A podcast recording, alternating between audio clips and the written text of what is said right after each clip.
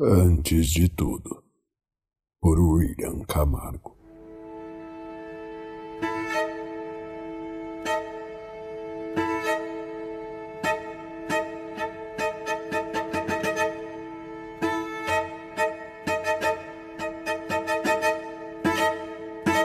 Meu nome é William Harris e eu preciso registrar isso.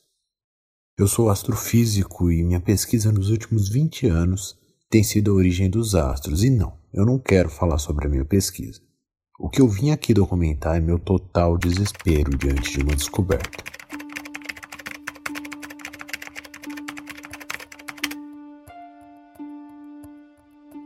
Era 18 de julho.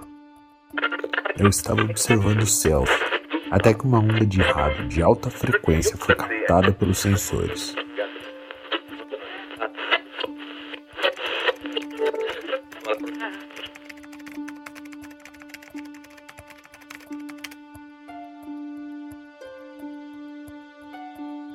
Eu sintonizei, coloquei os fones e tentei achar algum padrão no espectro ou sequer ouvir o que foi dito. Não parecia normal. A primeira impressão que tive era alguma interferência das ondas de rádio da Terra. Mas quando eu analisei a frequência, eu notei que aquilo não era da Terra. Nenhum programa reconheceu o espectro ou a frequência. Tudo estava fora dos padrões. Aquilo era diferente de tudo. Foi quando eu ouvi a voz. Olá! Olá, quem está aí? Isso é uma brincadeira? Uma pegadinha? Eu não sou alguém. Não como você imagina. Como entrou nessa frequência? De onde você fala? Eu não falo. E você sabe que essa frequência não é da Terra. Quem é você? Esta pergunta só seria respondida se eu fosse alguém. No seu limitado universo, sou denominado como algo e não alguém. Então o que você é?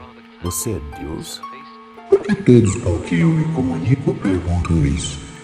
Eu não sou Deus. Definitivamente não.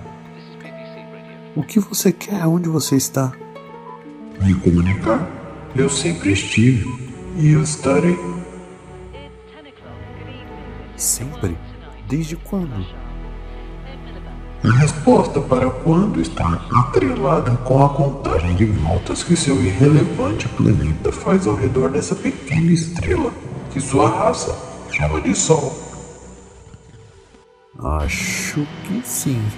Baseado na sua forma primitiva de entender o universo usando algarismos simbólicos ilimitados, eu diria que estou, desde o infinito, a 15 milhões de voltas, ou melhor, de anos atrás.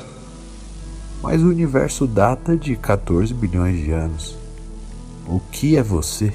O mero conceito da minha existência seria demais para você. Eu quero saber o que é você. Uma consciência, um ser antigo, uma máquina. Vai, me fala o que é você. A sua ciência é baseada na contagem de tempo. Para que compreenda minha existência, terá que se desprender do tempo. Minha existência aconteceu antes do universo. Logo, minha idade não pode ser contabilizada, já que o seu tempo está atrelado às voltas de seu planeta. Minha existência se dá anterior à formação das estrelas e dos sóis. Logo, não posso contar o tempo.